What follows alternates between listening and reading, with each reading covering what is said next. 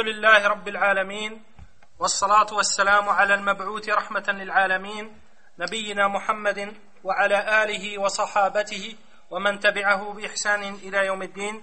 يسر المسلمين في فرنسا وبالخاص في مسجد الرحمة بمدينة فيتري أن يكون لهم لقاء هاتفي مع شيخهم الفاضل الشيخ عبد الله بن عبد العزيز العنقري حفظه الله ورعاه. وهذه الكلمة تكون في الحقوق في الإسلام. فليتفضل شيخنا مشكورا. الحمد لله رب العالمين وصلى الله وسلم وبارك على عبده ورسوله نبينا محمد وعلى آله وصحبه أجمعين. أما بعد السلام عليكم أيها الإخوة الكرام ورحمة الله تعالى وبركاته. موضوع الحقوق أيها الإخوة موضوع عظيم لأن الله سبحانه وبحمده قد أنزل شريعة كاملة أبان فيها سبحانه وبحمده حقوق العباد. ما الذي يجب للعباد وما الذي يجب للرب سبحانه وتعالى؟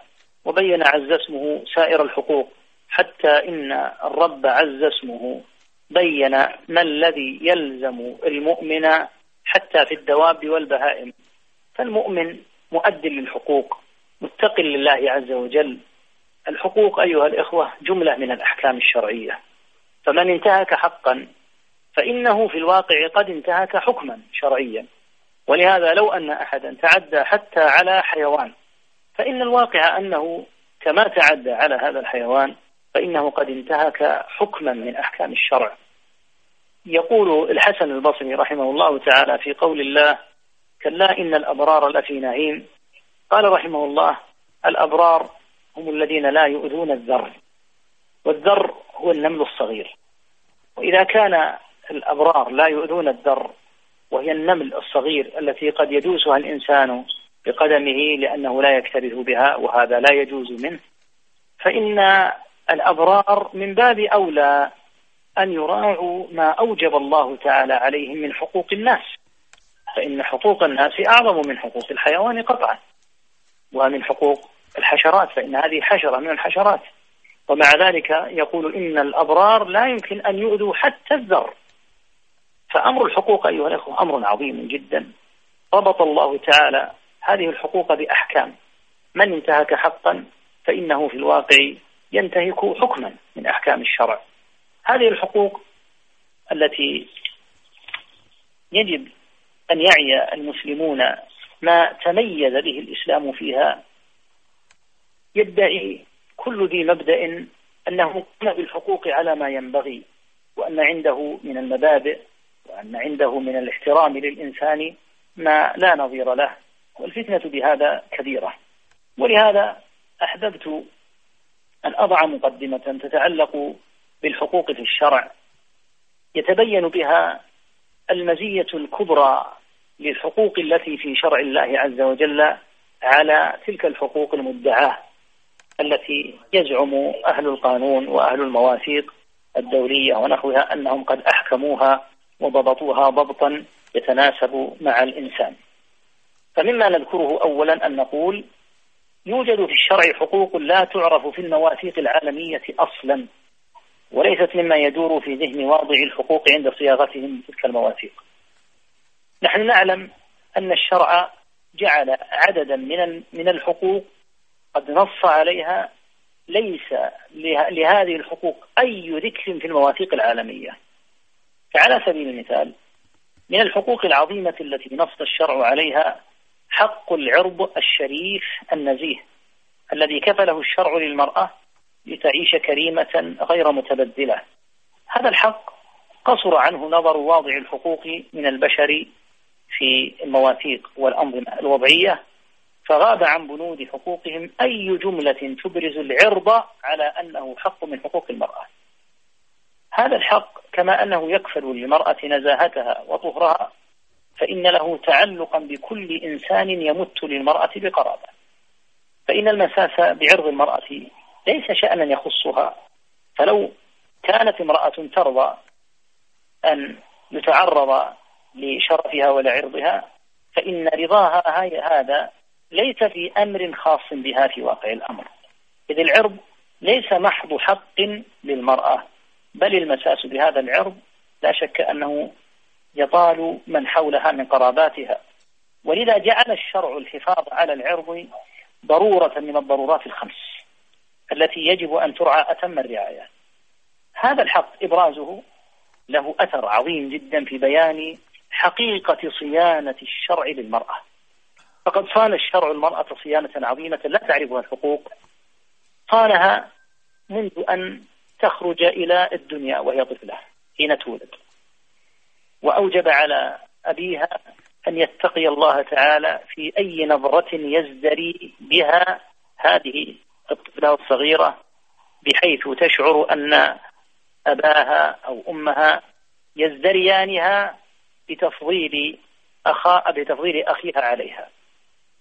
ولهذا بين تعالى أن هذا من شأن أهل الجاهلية وإذا بشر أحدهم بالأنثى ظل وجهه مسودا وهو كظيم توارى من القوم من سوء ما بشر به أيمسكه على هون أم يدسه في التراب ألا ساء ما يحكمون.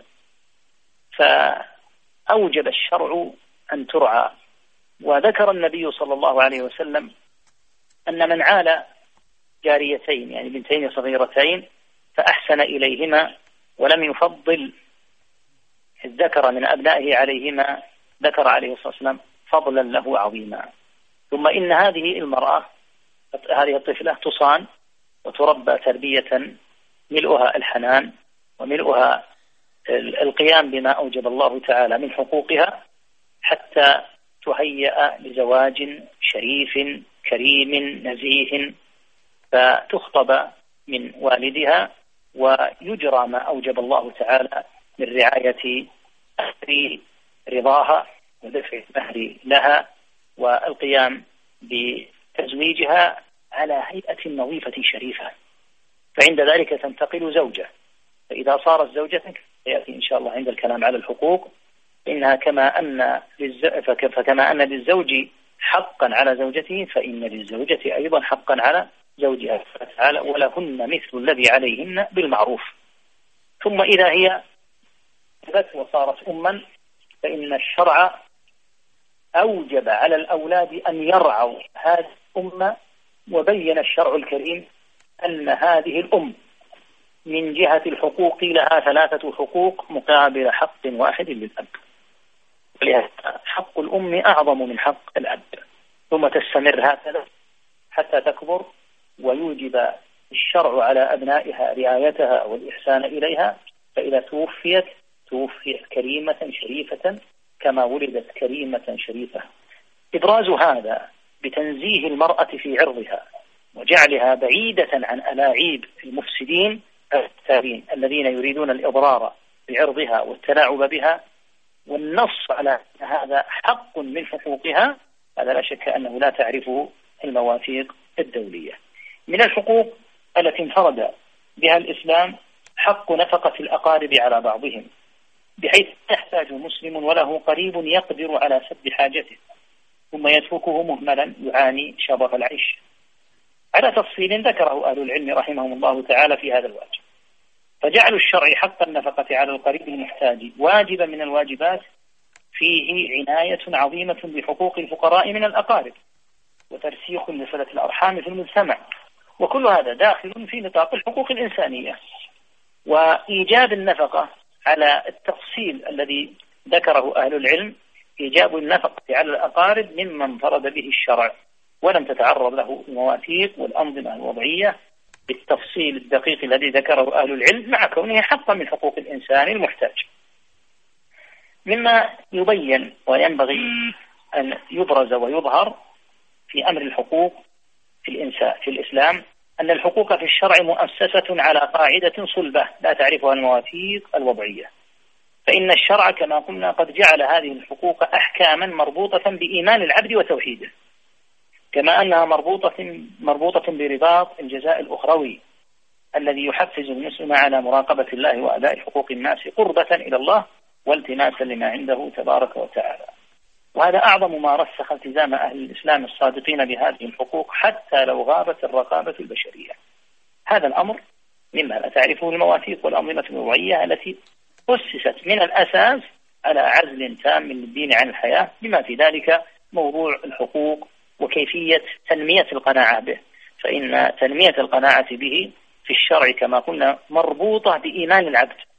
ومربوطة بالجزاء الأخروي وهذا أمر قطعا لا تعرفه هذه المواثيق والأنظمة الوضعية من الحقوق من الأمور التي تظهر تفوق الشرع في ميدان الحقوق ولا ينبغي أن تغيب عنا أن عناية الشرع بحق الإنسان وصلت حدا تجاوز معه حال الحياة حيث جعل الإنسان حقوقا لا نظير لها في المواثيق حال الوفاة. كما هو معلوم مقرر في تفاصيل أحكام الجنائز بدءا من ظهور علامات الوفاة ثم طريقة التعامل مع الميت حتى يوارى في قبره. فهذا الأمر لا شك أنه على التفصيل الذي ذكرنا آه، غير موجود في المواثيق والأنظمة الدولية. مما يذكر أيضا في أمر حقوق الإنسان في الإسلام دقة ترتيب الحقوق الشرعية. الحقوق الشرعية مرتبة من جهة تحديد الأولى بالإحسان والبر إلى أن يوقفك الشرع على آخر من يلزمك أن تؤدي الحق إليه كما قلنا قبل قليل. فحق الوالدين على أولادهم أعظم الحقوق التي يقررها الشرع لإنسان على إنسان بعد حق النبي صلى الله عليه وسلم. وتأتي بعد ذلك حقوق الأقارب مرتبة. كما في الحديث أن رجلا قال للنبي صلى الله عليه وسلم من أحق الناس بحسن الصحبة؟ قال أمك ثم أمك ثم أمك ثم أبوك ثم أدناك أدناك. في اللفظ الآخر أختك وأخاك. فذكر عليه الصلاة والسلام جملة من الترتيب لهذه الحقوق. السائل هنا يسأل عن ترتيب الناس في الحقوق. أجابه عليه الصلاة والسلام إلى سؤال يمثل مسألة علمية ويمثل واقعا يحتاجه الناس. من أبرز وأولى الناس بالحقوق؟ هم من ذكر عليه الصلاة والسلام. وهكذا ترتيب بقية الأقارب. وهكذا ترتيب حقوق الجيران. على سبيل المثال فالجيران ثلاثة جار مسلم قريب له ثلاثة حقوق حق الجوار وحق الإسلام وحق القرابة. والثاني جار مسلم ليس من قراباتك فهذا له حق الإسلام وحق الجوار. والثالث جار كافر فهذا له حق الجوار وليس له حق الإسلام ولا حق القرابة. الغرض أن هذه الأمور مرتبة ترتيبا دقيقا. ما الذي يجعل بعض المسلمين ينتهك هذه الحقوق وتدب الخلافات والنزاعات سواء بين الزوجين أو بين الوالد وأولاده أو بين الأقارب أو بين الجيران أو بين مسلمين من حيث العموم ولو لم يكن بينهما جوار أو قرابة. لا شك أن عدم الإلمام بأحكام الشرع في الحقوق يؤثر تأثيرا بالغا لأن الإنسان إذا لم يعلم أن الله أوجب عليه كذا من الحقوق فإنه قد ينتهكه لأنه لا يدري أن الله أوجب عليه أن يؤديه إلى أخيه المسلم أو يؤديه الزوج إلى زوجته الابن إلى أبيه. آه لا بد في الحقيقة أن تعرف هذه الحقوق وأن ينشر في المسلمين من خلال الدروس ومن خلال خطب الجمعة ومن خلال الكتب التي تسهل أمر هذه الحقوق. لا بد أن تنشر هذه الحقوق. لأني قد أتصور حقا لي والواقع أنه شرعا ليس حقا. وقد أنتهك حقا لأخي. لا أدري أن الشرع أوجب علي أن أقف عند هذا الحد ولا أنتهكه. ولو علمت أن الله أوجب لي أوجب عليه هذا أوجب علي هذا بالنسبة لأخي ما فعلت هذا. ولهذا نشر أحكام الحكم. له أهمية بالغة في إطفاء كثير من الفتن وإطفاء كثير من المشاكل التي تدب بين المسلمين لأن بعضنا قد ينتهك حق بعض لعدم إلمامه بأن الله تعالى أوجب عليه هذا. آه هذا أمر وهو الجهل بالحقوق. الأمر الثاني وهو آه قريب منه لكنه يتميز بمزية أخطر من السابق. وهي التعامل مع النصوص. التعامل مع النصوص أيها الإخوة لا بد أن نتفطن إلى أنه لا يصح أن نفهم هذه النصوص على خلاف معناها السليم. فيفهم الإنسان النص كيفما اتفق. هكذا يقول إن هذه الآية تدل على كذا وليس عنده قدرة على التدليل وبيان وجه الدلالة في الآية أو في الحديث. وإنما يظن أن الآية أو أن هذا الحديث قد كفل له حق من الحقوق. وأحب أن أطيل بعض الشيء في هذا الموضوع لأن عندنا مشكلة كبيرة في الأمة وهي التعامل مع النصوص بطريقة غير صحيحة بحيث يفهم الإنسان النص فهما غير سوي وغير مؤسس على أي قاعدة علمية. فيتسبب هذا قطعا في وقوعه في خطأ وتعد على أخيه المسلم ويظن مع ذلك أن هذا الخطأ الذي وقع فيه ليس بخطأ بل بل يزعم أن النص يشهد له في فعله وفيما تجاوز. هذا الموضوع فيه خطورة بالغة جدا لأن إذا تعاملنا مع النصوص هذا التعامل فإن بهذه الطريقة نكون قد اجترأنا على أحكام الله تعالى جرأة بشعة للغاية وتجاوزنا ما أوجب الله تعالى علينا من عدم الخوض فيما لا نعلم. فالذي لا يعلم مدلول النص عليه أن يسأل. فاسألوا أهل الذكر إن كنتم لا تعلمون. أما أن يكون الإنسان ممن لا يعلم ثم يستدل بالنص على ما لا يدل عليه النص لا شك أن هذا فيه خطورة. وقد قال صلى الله عليه وسلم في الخوارج يقرؤون القرآن يحسبونه لهم وهو عليهم. هذا الحديث في صحيح مسلم. يبين لك السبب في كون الخوارج عندهم هذا التعدي على الناس وعندهم هذا الاستسهال مثلا لانتهاك أمر الدماء وأمر الأموال والتدمير. يظنون أن القرآن يشهد لفعلهم. يحسبون القرآن يقرؤون القرآن يحسبونه لهم وهو عليهم.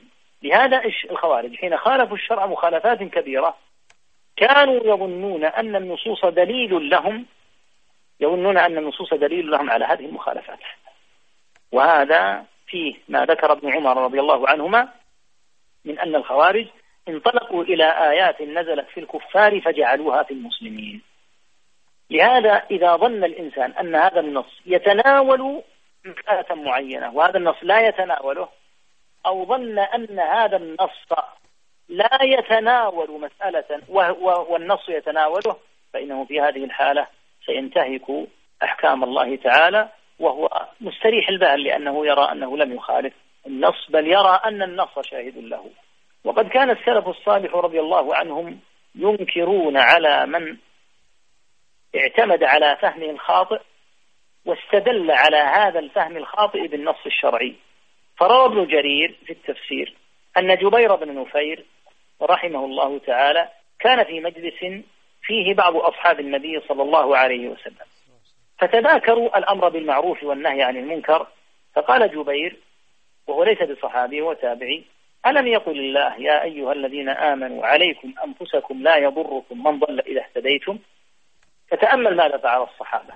يقول جبير فأقبلوا علي بلسان واحد وقالوا تنزع آية من القرآن لا تعرفها ولا تدري ما تأويلها أي تفسير أي, أي تفسيرها.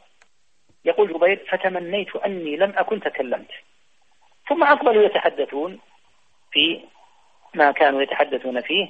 فلما حضر قيامهم قالوا إنك غلام حدث السن يعني صغير في سنك وإنك نزعت بآية لا تدري ما هي وعسى أن تدرك ذلك الزمان إذا رأيت شحا مطاعا وهوى متبعا وإعجاب كل ذي رأي برأيه فعليك بنفسك لا يضرك من ضل إذا اهتديت. لاحظ أن هذا التابعية استدل على مسألة الأمر المعروف والنهي عن المنكر استدل على واقعة لا تكون إلا في حالة خاصة وأراد أن يعمم هذه الحالة الخاصة على عموم الأمر بالمعروف والنهي عن المنكر. ليقول إنه لا حاجة إلى أن يأمر الإنسان بالمعروف وينهى عن المنكر لأن الله يقول عليكم أنفسكم. فغضب الصحابة. كيف تستدل بالآية وأنت لا تدري ما الآية ولا تعرف تفسيرها؟ ولهذا قال أقبلوا علي بلسان واحد يعني أنهم أنكروا أنكروا جميعا كلهم عليه هذا هذا التعامل مع نصوص القرآن. لا يحل أن يتعامل مع النصوص هكذا.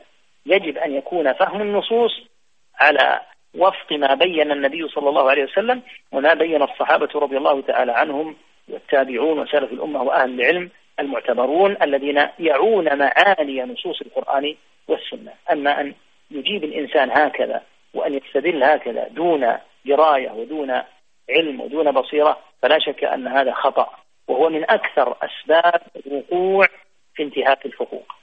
لما قلنا قبل قليل أن مثلا الخصمة التي قد تقع بين الزوجين أو الجارين أو القريبين من أسبابها أن يفهم أحد منهم نصا بأسلوبه هو بعيدا عن توضيح العلماء ويظن أنه مصيب في موقفه مما يجعله يرى أنه على الحق وأن الطرف الثاني هو الذي على الباطل. في الوقت نفسه الطرف الثاني يصنع نفس صنيع صاحبه فيستدل بدليل يرى أنه به هو الذي أصاب وأن الطرف الآخر الذي خاصمه هو الذي أخطأ. هذا أسلوب خطير جدا أن يفهم الناس النصوص كيف ما يحلو لهم وهو مما يعمق الخلاف ومما يجعل الأمور تتفاقم ولا تنتهي. فالواجب الرجوع لأهل العلم والتأكد من أن الفهم للنص سليم. وإلا وقع الخصام والنزاع والتوقف. من الأمور التي ينبغي أيضا أن نبرزها فيما يتعلق بالحقوق أن هذه الحقوق نبهت مجموعة من الأحكام الشرعية العظيمة التي يجب أن تؤدى إلى أصحابها طاعة لله أولا وأداء لحقوق الآخرين ثانيا. فبناء عليه نؤكد على أن من انتهك حقا من حقوق أهل الإسلام مثلا أو القرابات أو حتى لو انتهك حقا لا يجوز أن ينتهكه حتى لو كان من كافر. أنه يكون بذلك قد اجترأ على النص. وأنا أعطي بعض الأمثلة. التي تبين أن التعدي على الحقوق لا يجوز حتى لو كان من مسلم على كافر.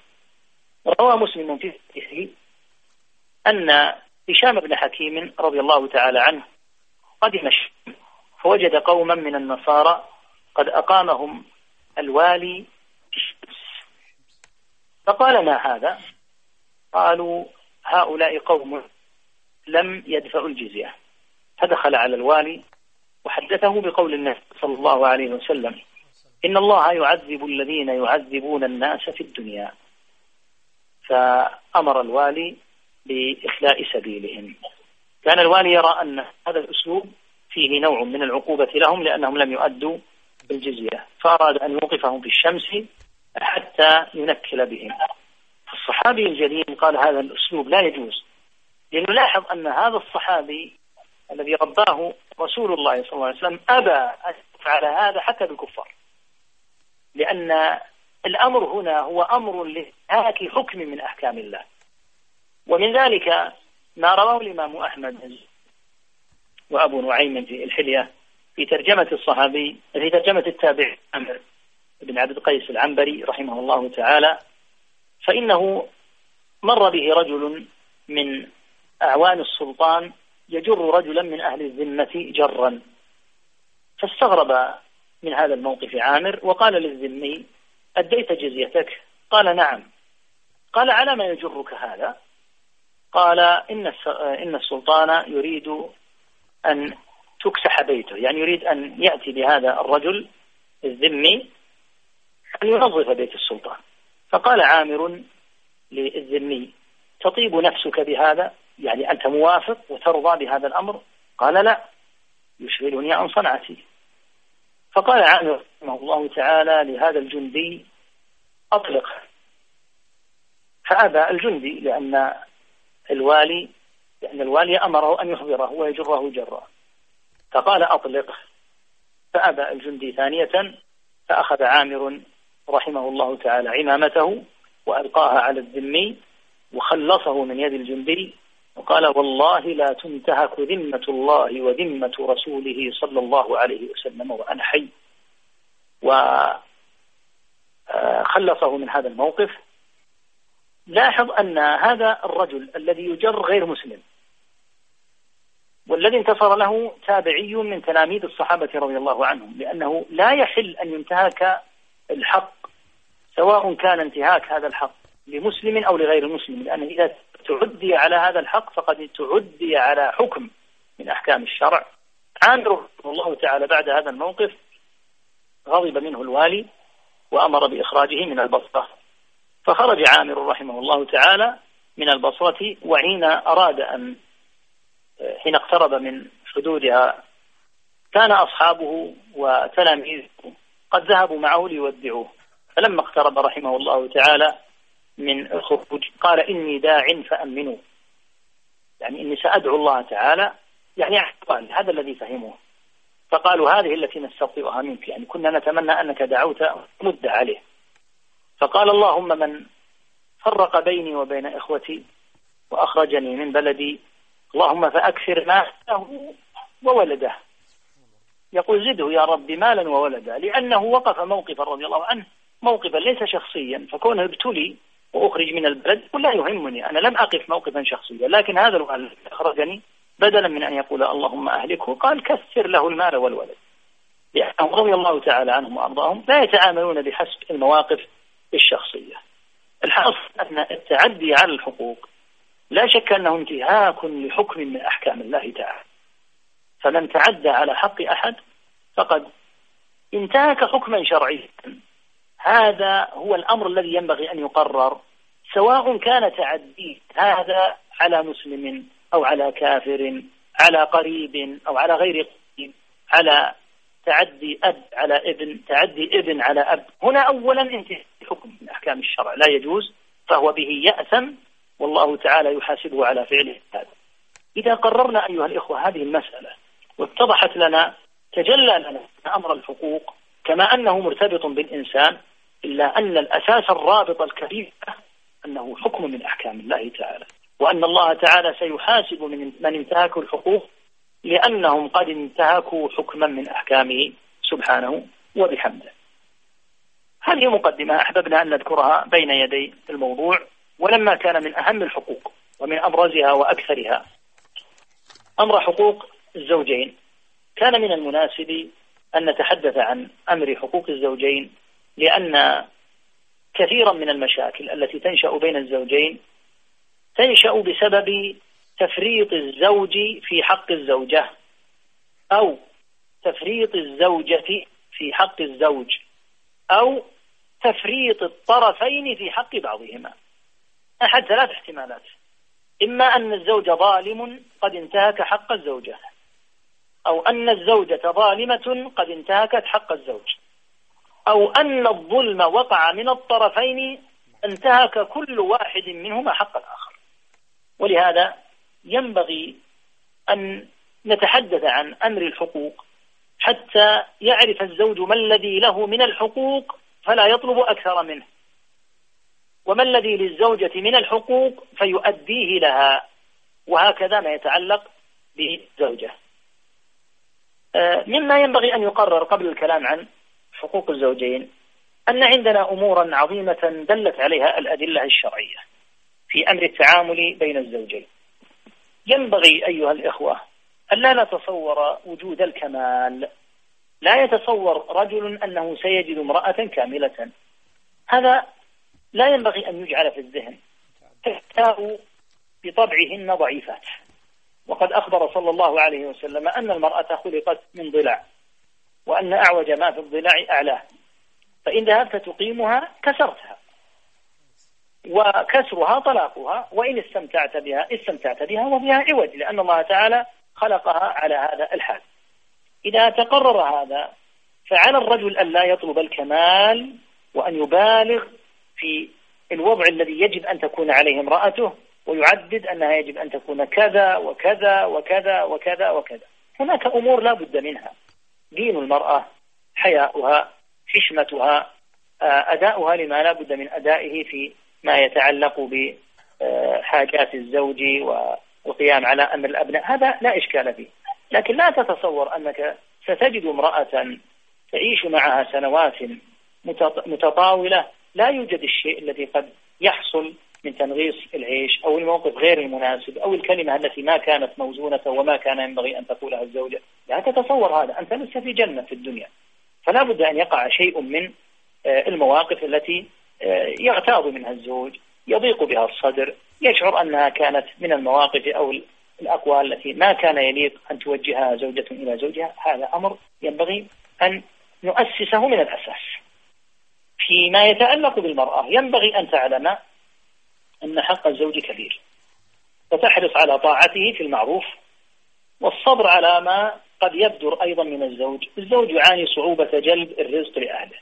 يعاني آه، شدة آه، يعني أمر القيام على البيت والذهاب للعمل ويحصل من آثار التماسه رزق أسرته أن يأتي إلى البيت مرهقا متغير المزاج. فيمكن أن يقع أيضا منه الموقف الذي ما كان ينبغي أن يقع واللفظ والقول الذي ما كان ينبغي أن يصدر كل هذا وارد ينبغي يا إخوة دائما أن نؤسس هذا في الطرفين معا. فنقرر للمرأة أن الزوج يمكن أن يبدر منه الخطأ ونقرر للزوجة للزوج أن الزوجة يمكن أن يبدر منها أيضا الخطأ. بذلك ننبه الطرفين معا هذه مسألة مهمة جدا جدا في الحقوق. بعض الناس لا يعرف إلا حقوقه ويظل يردد ما ينبغي أن يعمل له. يقول أمر الحقوق كما هو معلوم. حقوق تؤدى لك وحقوق أنت تؤديها. فكما تطلب أنت حقوقك فإن ثمة حقوقا ينبغي أن تؤديها. فلا تجلس لا همة لك ولا موضوع لك إلا الحقوق التي تجب لك. وكذلك الحال بالنسبة للزوجة إذا نبهنا الطرفين معا إلى أهمية ضبط التصرفات والتحمل وأنه إذا بدر من الطرف الأول على الطرف الثاني موقف غير سليم فينبغي أن يتحمل الطرف الثاني في تلك اللحظة وألا يبادل الخطأ بمثله حتى لا تنتشر النار حتى لا يتفاقم الإشكال. ثم نقول أيضا إذا حصل العكس فبدر من الطرف الثاني موقف غير سليم. فيقال للطرف الأول أنت ينبغي الآن أن تتحمل وأن لا تبادر فإنك قد يصدر منك من المواقف غير الجيدة مثل ما صدر عليك الآن. فال... فالذي ينبغي أن يقرر أنه إذا بدر خطأ من طرف أن على الطرف الثاني أن يحاول امتصاص الموقف. أما أن يكون الطرف الأول يخطئ ويتسبب ذلك في شحن شديد في نفس الطرف الثاني فيبادل بمثلها وهنا يصعب جدا أمر حل الإشكال. لأن الإشكال بدأ ثم تفاقم. بخلاف ما إذا بدأ ثم تحجم. وهذا الكلام كما نؤكد لا يقال للزوجة فقط. وكذلك لا يقال للزوج فقط. يقال للجميع. قال إذا بدر من أحد الطرفين ما لا ينبغي. فالطرف الثاني مباشرة ينبغي أن يتحمل. لأن الجميع بشر ويبدر منهم. موقف قد يكون غير محسوب. قد يندم الطرف الأول مثلا بعد أن تلفظ بلفظ غير مناسب أو تصرف تصرفا غير مناسب. يندم ويعود ويعتذر عما بدر. لكن لو أنه بادله الطرف الثاني بمثله فإنه يصر ويعاند مما يجعل المسائل تتفاقم. هنا قال عليه الصلاة والسلام حديثا عظيما جدا يبين أمر التوازن الذي ينبغي أن ينظر به الزوج إلى زوجته. قال صلى الله عليه وسلم لا يفرك مؤمن مؤمنة. يعني لا يبغض. لا يفرك مؤمن مؤمنة. إن سخط منها خلقا رضي منها خلقا آخر. حديث عظيم جدا يستحق أن تخطب به جمعة. لا يفرك مؤمن مؤمنة. إن سخط منها خلقا رضي منها خلقا آخر. هذا الحديث يعطينا توازنا عظيما في النظرة للحياة. ثمة أمور حسنة. تقتضي دوام المحبة بين الزوجين. وتوجد أمور تتسبب في إغضاب الزوج بعض الأحيان. فعليه أن ينظر إلى الأمور المستحسنة مع الأمور التي تغضبه. ولا يركز فقط على ما يجلب الغضب. ويجلب له محبة الانتقام ومحبة أن يرد ما بدر من الزوجة بمثله وأن لا يسكت. يقال هذه الزوجة ما فيها من خصال كثيرة محمودة من مثل. كونها مسلمة كونها امرأة ملازمة لسترها وحجابها ملازمة لعبادتها ملازمة للقيام بأمر هؤلاء الصغار والقيام بما يقتضيه الواجب من السهر والدأب عليهم. هذه أخلاق طيبة جدا في المرأة. فإذا بدر منها خلق فإياك أن تبغضها بغضاء لأجل هذا الخلق. فإن إن كان قد بدر منها خلق غير مناسب مثل أن ترفع الصوت أو أن تتلفظ بلفظ غير مناسب أو نحوه فإن هذه المرأة كما أوصاك النبي صلى الله عليه وسلم إن سخطت منها وأغضبك هذا الموقف منها فإن ثمة أخلاقا أخرى لها طيبة وحسنة ينبغي أن تكون ذا نظرة متوازنة. وكذلك يقال للزوجة الزوج يبدر منه بعض الأمور التي قد تبغضها الزوجة لكن هذا الزوج ما جعل الله عز وجل فيه من إسلام وحفظ لأمر عباداته وكونه قد آه، دأب وتعب وحرص على آه، أمر النفقة وأن يعيش أهله عيشة كريمة لا يحتاجون بعد الله لأي أحد. هذه أمور طيبة في الزوج فينبغي أن يكون هناك نظرة ينبغي أن يكون هناك نظرة من هذه الزاوية. ولهذا ذكر الشيخ بن سعدي رحمه الله في قول الله تعالى وإذ تقول للذي أنعم الله عليه وأنعمت عليه أمسك عليك زوجك واتق الله. قال إنه ينبغي مهما كان هناك من فرصة لأن يثنى الزوج عن طلاق زوجته فإنه ينبغي أن ينصح بذلك. إلا قطعا إذا صار الحال لا يمكن أن يستمر أو بدر من الزوجة أمور عظام هائلة لا يمكن أن يسكت عليها شرعا. لكن في أمر الخلاف الزوجي وما قد يبدر من سخط وغضب في بعض المواقف ينبغي دائما أن يصبر الزوج وأن يقال له احرص أنت لم تتزوج لتطلق. قطعا أنت تتزوجها لتستقر. فاحرص وفقك الله على التحمل وعلى التصبر وعلى شيء من مراعاة حفظ هذا البيت حتى لا يترتب على ذلك طلاق وضياع للأولاد ونحو ذلك. فهذا حقيقة مما ينبغي أن يقرر في مقدمة الكلام هنا على أمر الحقوق والحقوق أمرها عظيم والكلام فيها حقيقة يطول. لكن نأتي إلى القسم الثاني من الكلمة وهو توعية الطرفين بما جعل الله تعالى آه، لكل طرف من الحقوق فللزوج أن يقول أنا الآن قد علمت أن الحقوق أحكام شرعية وأنه لا يحل أن أن أنتهي أن أن أنتهك هذه الحقوق. ما الذي لزوجتي من الحقوق حتى أؤديه؟ وكذلك الزوجة تقول. فنذكر ما يتعلق بهذه الحقوق فنقول الحقوق الزوجية يمكن أن تقسم إلى ثلاثة أقسام. القسم الأول حقوق مشتركة. الحقوق المشتركة للزوجين، للزوج وللزوجة معا. القسم الثاني الحقوق الخاصة بالزوج والقسم الثالث الحقوق الخاصة بالزوجة نعيدها مرة أخرى نقول الحقوق ثلاثة. من حيث الأقسام حقوق مشتركة هي للزوج والزوجة في نفس الوقت. النوع الثاني حقوق خاصة بالزوج. النوع الثالث حقوق خاصة بالزوجة. نذكر الآن الحقوق المشتركة بين الزوجين. الحقوق المشتركة بين الزوجين معناها حقوق يؤديها كل طرف للطرف الآخر. فكلاهما له هذا الحق. كلاهما فيه يشتركان. أول هذه الحقوق حسن المعاشرة. يجب أن يعاشر الزوج زوجته بالمعروف ويجب أن تعاشر الزوجة زوجها كذلك. قال الله تعالى وعاشروهن بالمعروف وقال الله تعالى ولهن مثل الذي عليهن بالمعروف هذا معنى كونه مشتركا. فكما أنك يجب أن تعاشر الزوجة بالمعروف فهي يجب أن تعاشرك بالمعروف فهذا حق مشترك للزوج وللزوجة معا. الثاني من الحقوق المشتركة حق ثبوت النسب. فمن جهة الذرية يشترك الزوجان معا في أن هذه الذرية الزوج أب لهم والزوجة أم لهم.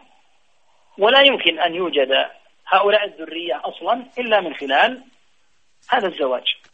فهذه الذرية منسوبة للزوج من جهة الأبوة ومن جهة الأم الزوجة هي أمهم. لكن معلوم أنه من جهة الانتساب يتسمى الابن وينتسب كما قال تعالى ادعوهم لآبائهم. فيقال فلان ابن فلان. لكن كما أن الزوج أب فإن الزوجة أيضا أم. من الحقوق المشتركة حق الاستمتاع. فأمر الاستمتاع هذا مما شرع الزواج له ولهذا ليس للزوج أن يمتنع من معاشرة وجماع زوجته وليس للزوجة أيضا أن تمتنع لأن هذا حق مشترك. اللهم إلا إذا وجد مانع. كأن يوجد مانع شرعي من أمر الحيض ونحوه معلوم عند المسلمين أن هذا لا يجوز. وكذلك أمر القدرة وتفاوت الناس في مثل هذا فإن هذا أمر أيضا معلوم. والأمر الآخر قد تكون مثلا الزوجة مريضة لا تستطيع فإن هذا في هذه الحال يعد عذرا. لكن إذا لم يوجد ما يقتضي هذا فإن أمر المعاشرة للجميع.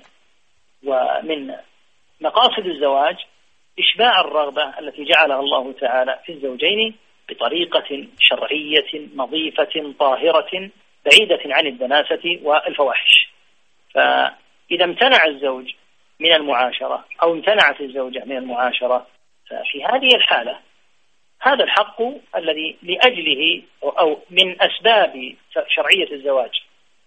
هذا الحق معنى ذلك أنه حبس ومنع وهذا لا يجوز. ولهذا إن النبي عليه الصلاة والسلام أوجب على المرأة إذا دعاها زوجها أن تطيع أن أن تجيب إلى مثل هذا وهكذا لو أن الزوج امتنع. فأراد بزعمه أن يؤدب الزوجة مثلا ويمتنع من أمر الجماع فإن الشرع لا يتركه.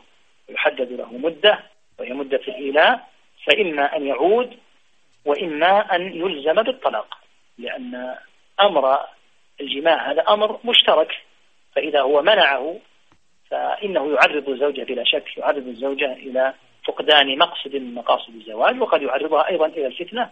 فإذا أبى فإنه يمهل ما ذكر الله تعالى للذين يريدون من نسائهم تربص أربعة أشهر فإن باءوا فإن الله غفور رحيم. إن عزموا الطلاق فإن الله سميع عليم. ليس له أن يمتنع.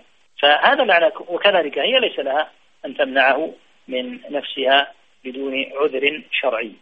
هذا معنى الحقوق المشتركة. من الحقوق المشتركة أن على الزوجين معا أن يحفظا الأسرار. فلا يجوز أن يفشي الزوج أسرار زوجته ولا يجوز أن تفشي الزوجة أسرار زوجها. هذا أمر مشترك.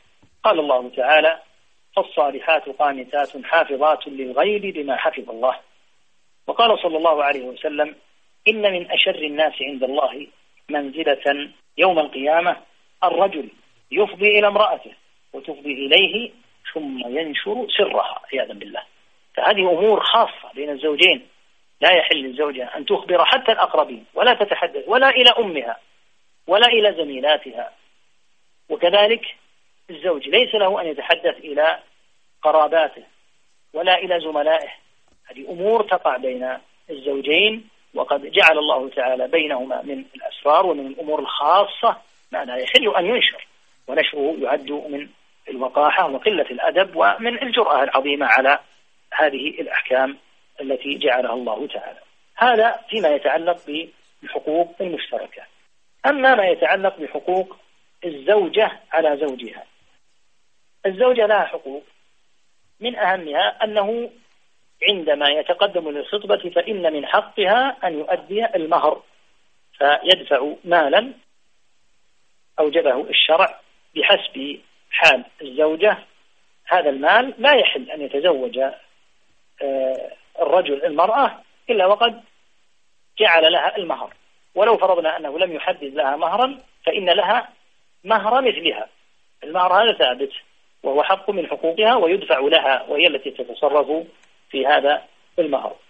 من الحقوق التي تجب على الزوج حق النفقة فإن الزوج ملزم بأن ينفق على زوجته في طعام وكسوة ومسكن وما يتعلق بالمعيشة الكريمة التي جعلها الله عز وجل آه، لها. فإنها يجب أن يؤدى إليها هذا إذ هي قائمة بأمر بيته وأمر أولاده فلا بد أن ينفق عليها وهو المسؤول عن عن النفقة عليها. حتى لو كانت غنية حتى لو كانت غنية فإن النفقة عليه هو ليست النفقة عليها. من حقوق الزوجة أمر حضانة الأطفال. لو أنه وقعت فرقة فالأصل أن الحضانة شرعا للزوجة. وجاء عنه عليه الصلاة والسلام أنه قال لإحدى الصحابيات حين ذكرت له أن زوجها الذي طلقها سينزع آه، طفلها منها. قال أنت أحق به يعني بالطفل هذا ما لم تنكحي يعني ما لم تتزوجي. فإذا طلقت الزوجة فالأصل أن الحضانة للصغير للأم لأن حاجة الطفل البالغة لأمه في حال الصغر كبيرة للغاية. فتكون هذه مما آه، يؤديها الزوج لزوجته. هذه نماذج. أما فيما يتعلق بحق الزوج على زوجته. فيقال آه، الزوج كما قال تعالى الرجال قوامون على النساء. فالرجل هو القائم وهو المطاع في البيت ويجب على الزوجة أن تطيعه في غير معصية الله. فإذا أمرها بأمر ليس فيه معصية لله عز وجل فإنها تطيع.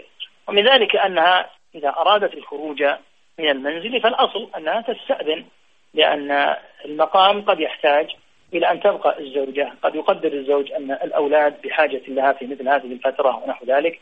فأمر القيام على المنزل وأمر الطاعة لا شك أنه للزوج. فالزوج هو الذي يطاع إلا أن يأمر بمعصية أو أن يأمر بما لا يمكن الزوجة أن تؤديه. فيقال لا تطلب منها ما لا تستطيع. فإنك إذا طلبت منها ما لا تستطيع تكلفها ما لم يكلفها الله عز وجل.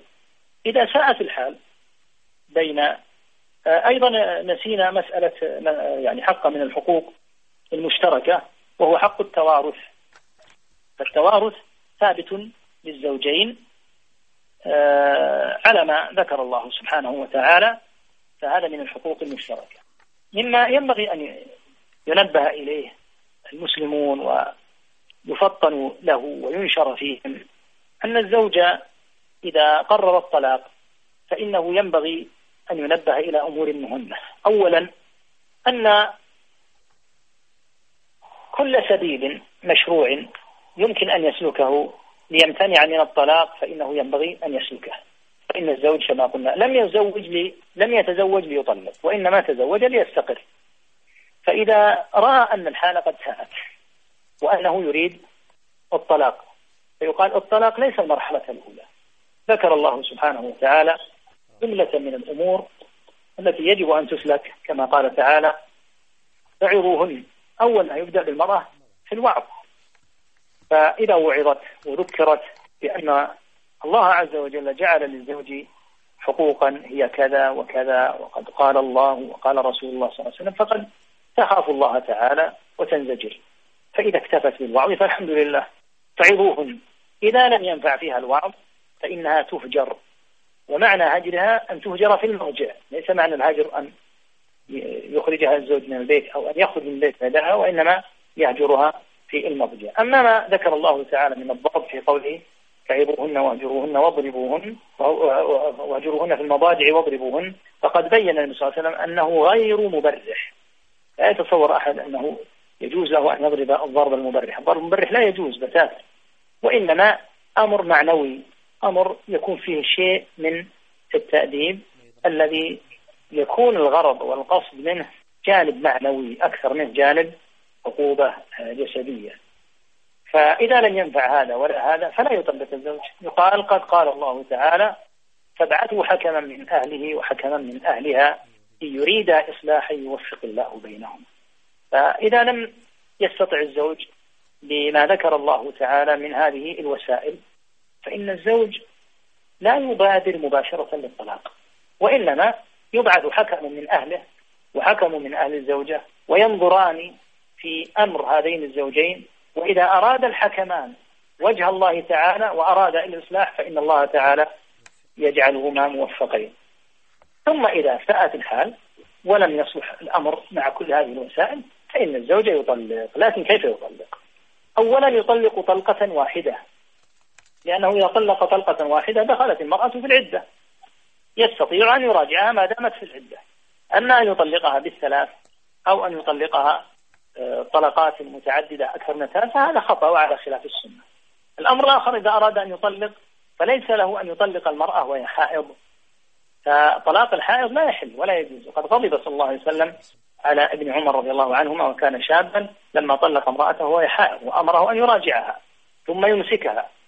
فإن فإذا طهرت فإن بدا له أن آه، يراجعها راجعها وإلا بعد ذلك طلقها. الأصل أن الزوج إذا أراد أن يطلق يطلق طلقة واحدة ويطلق أيضا في طهر لا يطلق وهي في حال حيض وهذا الطهر الذي يطلق فيه يطلق في طهر لم يجامعها فيه.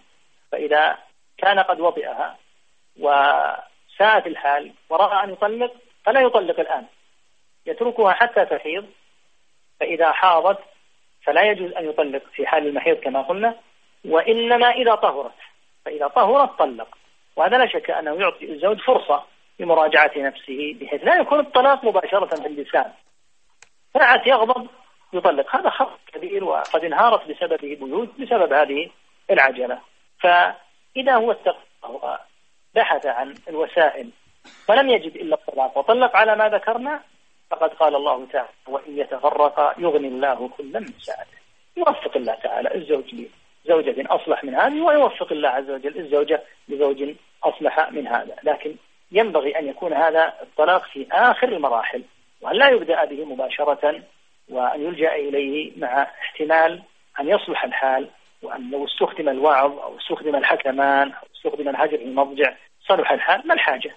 إلى مثل هذا نسأل الله بأسمائه وصفاته أن يجعلنا وإياكم ممن يؤدون الحقوق ويتقونه عز وجل وأن لا يجعل علينا طالبة لأحد إنه على كل شيء قدير. والله تعالى أعلم وصلى الله وسلم على نبينا محمد وآله وصحبه.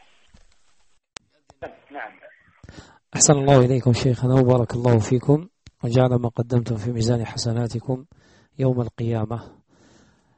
والله الموضوع حساس جدا يا شيخ. وحبذا يعني لو يعني لو لو تعرضتم يعني بتفصيل آه، أكثر وخصوصا مسألة حقوق حقوق الزوجين.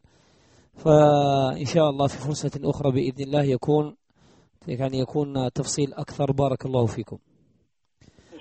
شيخنا حفظكم الله يعني فيما يتعلق المشاكل الزوجية والتي هي كثيرة هنا خصوصا يعني والله نعاني منها آه، يعني الأسباب بعض الأسباب أسباب المشاكل الزوجية عندنا يعني لما صارت المواصفات فضائية لكثرة ما يرى الأزواج فنرى نجد أن الزوج لا يرضى بزوجته المسلمة المؤمنة العفيفة الطاهرة لأنه يرى غيرها في الشارع وهذا يعني لغض البصر وغيره.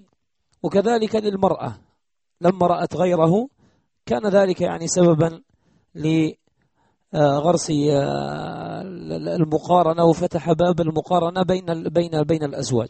فبارك الله فيكم. يعني ما المعتبر ما المعتبر من الشروط بين بين الأزواج والمواصفات التي يجب أن يعتمد عليها كل زوج ليرضى بما قسم الله له عز وجل. آه، لا شك أن من وقع في هذا فقد انتهك حكما صريحا في كتاب الله. قال الله تعالى قل للمؤمنين يغضوا من أبصارهم ويحفظوا فروجهم ذلك أزكى لهم. فهؤلاء الآن الذين أطلقوا الأبصار قد فقدوا الزكاة لأن الله سبحانه وبحمده قد بين أن غض أبصارهم هو الذي يجلب لهم أن تزكو نفوسهم وأن لا يقعوا في مثل هذا. فلا فلا يستبعد أبدا أن يكون هذا نوع من العقوبة ومن العقوبات أن يسلط الله تعالى على الإنسان عدم التوفيق. وذلك أن من أطلق بصره وهو يعلم أن الله قد حرم عليه أن ينظر فلا كأنه قد انتهك حكما من أحكام الله عز وجل. ولهذا قال الله أيضا وقل المؤمنات يغضضن من أبصارهن ويحفظن فروجهن ولا يبدين زينتهن إلا ما ظهر منها الآية. فمن انتهك من الرجال أو من النساء ما أوجب الله تعالى عليه أن ينتهك. ثم أيها الإخوة ينبغي أن نتقي الله تعالى في هذه الأسماء والأبصار. هذه الأبصار أيها الإخوة الذين الذين فقدوا البصر في العالم بالملايين. الله تعالى من عليك وأكرمك بهذا البصر. فاتق الله أن ترسله. واتق الله يا أمة الله أن ترسليه فيما حرم الله. هذا البصر من نعم الله البالغة قد خصصنا به من بين آه، ملايين قد فقدوه كما لا يخفى عليكم إحصائيات المخطوفين في العالم. وهذا البصر سنسأل عنه. قال تعالى إن السمع والبصر والفؤاد كل أولئك كان عنه مسؤولا. فلا يتصور الإنسان أنه يطلق نظره فيما حرم الله في الشاشات أو في الأسواق أو في غيره بل يجب غض البصر. غض البصر في أي في أي بلد. ولا يقال إن البلد الفلاني لا يغض فيه البصر. لا. غض البصر واجب أيها الإخوة.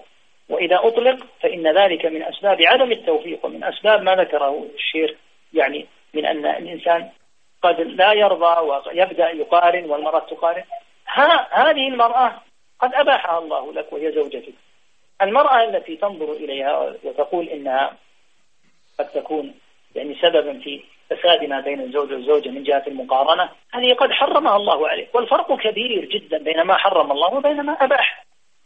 الأشياء التي في الدنيا لك مباحة موجودة والأشياء المحرمة كثيرة. هناك أموال حرمها الله هناك مزارع حرمها الله. هل ستنتهك أموال الناس التي حرمها الله عليك لأنك ترى أن المال الذي عندك قليل؟ المال الذي عندك هو الحلال والذي لغيرك هو عليك حرام. فكذلك الحال بالنسبة للزوج والزوجة يجب أن يتقى الله سبحانه ولهذا أيها الإخوة إذا تأملنا القرآن وجدنا أن الله تعالى يذكر قلة الشكر بعد السمع والبصر والفؤاد. والذي قال الله عز وجل هو الذي أنشأكم وجعل لكم السمع والأبصار والأفئدة قليلا ما تشكرون. بين تعالى قلة شكر نعمة السمع والبصر والفؤاد. والشكر لا يتأتى إلا بثلاثة أركان. الركن الأول الإقرار القلبي بأن هذه النعمة من الله. الثاني الجهر باللسان وأما بنعمة ربك فحدث الثالث الذي يتفاوت فيه الناس التفاوت العظيم ألا نستعمل هذه النعم فيما حرم الله. الله ما أعطانا الأبصار حتى نرسلها فيما حرم وما أعطانا الأبصار الأسماء حتى نرسل حتى نسمع بها ما حرم. وهكذا ما ما أمدنا الله به. لا يكون الإنسان من الشاكرين الذين قال الله وقليل من عبادي الشكور إلا إذا استعمل هذه النعم فيما فيه رضا الله. وما قد يحدث من الخصام والنكد بين الزوجين بسبب إرسال الأبصار قد يكون عقوبة معجلة في الدنيا غير عقوبة الآخرة. الواجب أن يتقى الله وأن يغض البصر وأن يحمد العبد ربه على ما أحل له وأن الله قد أحل له هذا الذي هو فرق كبير بينه وبين ما حرم الله. الفارق كبير أما الدنيا فيوجد فيها أشياء قد حرمها الله. فإذا كان الإنسان سينتهكها بيده أو بسمعه أو أو ببصره فأين تحقيق الإيمان؟ وأين الابتلاء؟ قال الله تعالى تبارك الذي بيده الملك وهو على كل شيء قدير الذي خلق الموت والحياة ليبلوكم أيكم أحسن عملا. هذا اختبار. الدنيا حال اختبار. الذي سيرسل بصره كما يت... يعني كما يشاء. فقط هذا ما ذكرناه أن الواجب أن يتقى الله من قبل المؤمنين والمؤمنات كما أمرهم الله. قل للمؤمنين ثم قال تعالى وقل للمؤمنات الواجب أن يغض البصر وأن يتقى الله. أحسن الله إليكم شيخنا والسؤال الثاني آه، في مسألة الطلاق والخلع. بارك الله فيكم. نجد أن الكثير شيخنا الفاضل استساغ واستهان في هذه المسألة والذي يزيد الأمر خطورة كوننا الأمر أن هذا الأمر مرات يقع مع أخوات حديثات عهد بإسلام. فيكون ذلك سببا يعني الاضطراب وربما قد تثبت الأخت على الإسلام وربما يكون ذلك سببا لغرس الشك في نفسها. فما النصيحة بارك الله فيكم لهؤلاء؟ نعم مثل ما قلنا يعني المسألة مسألة حقوق والذي سيحاسب على الحقوق هذه هو الله عز وجل.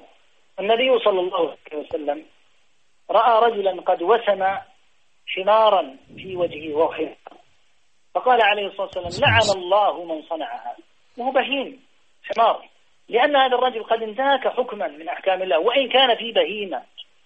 فكون الإنسان ينتهي حكم الله عز وجل ويتعدى ويرى أن المجال مفتوح له ليصنع ما شاء. هذه أحكام متعدي كما حرم السرقة. حرم الزنا حرم آه، الظلم فقد حرم سبحانه هذه الأساليب. ثم إن النبي صلى الله عليه وسلم قال يا أيها الناس إن منكم منفرين.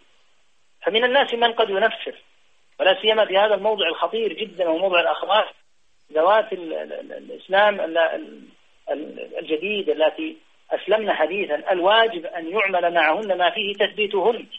ولهذا ذكر أهل العلم أن حديث العهد له أحكام خاصة. قد يجهل أمرا ويقع في أمر بالغ الخطورة من جهة الحكم الشرعي فيقال هذا حديث عهد ينبغي أن يترفق به وأن يعلم لأنه حديث عهد. فكيف يؤتى إلى حديث العهد الذي أقبل إلى المسلمين وترك ما هو فيه من الكفر؟ ثم يعامل بمثل هذه المعاملات التي قد ينشأ منها النفرة من الإسلام فيتسبب الفاعل لمثل هذا يتسبب في كل ما قد يترتب عليه حتى لو ارتد يكون هو المتسبب في ردة الأخت لو أنها مثلا ارتدت والعياذ بالله أو ضعف إيمانها أو حصل عندها مفصل.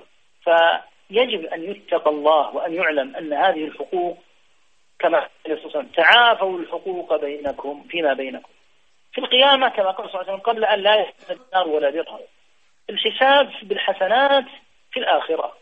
يؤخذ من حسنات هذا ويعطى إلى لمن ظلمه فإذا انتهت حسناته أخذ من سيئاتهم ثم عدت عليه ثم قذف في النار. الأمر أمر خطير جدا. ثم إن الحقوق في المظالم فيما يتعلق بمظالم العباد هذه الرب لا يترك منها لأن الدواوين ثلاثة ظلم العبد لنفسه وظلم العبد لغيره والظلم الشرك الأكبر.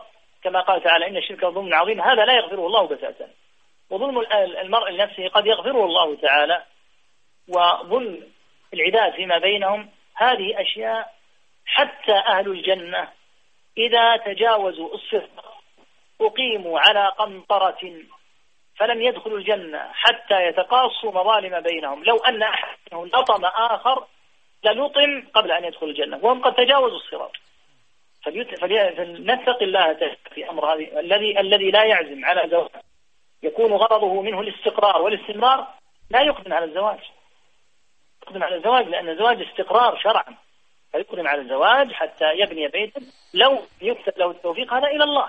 لكن أن أن يتزوج وليس عنده استعداد للقيام بالحقوق لا. ما هكذا زواج المسلمين. زواج المسلمين زواج قائم على أداء حقوق من قبل الزوج لزوجته والزوجة لزوجها كما ذكرنا قبل قليل. أما أن تنتهك الحقوق الله أكبر الله أكبر. الله العافية. من الله أكبر الله أكبر. أشهد أن لا إله إلا الله. أشهد أن لا إله إلا الله. أشهد أن محمدا رسول الله. أشهد أن محمدا رسول الله. حي على الصلاة. حي على الصلاة.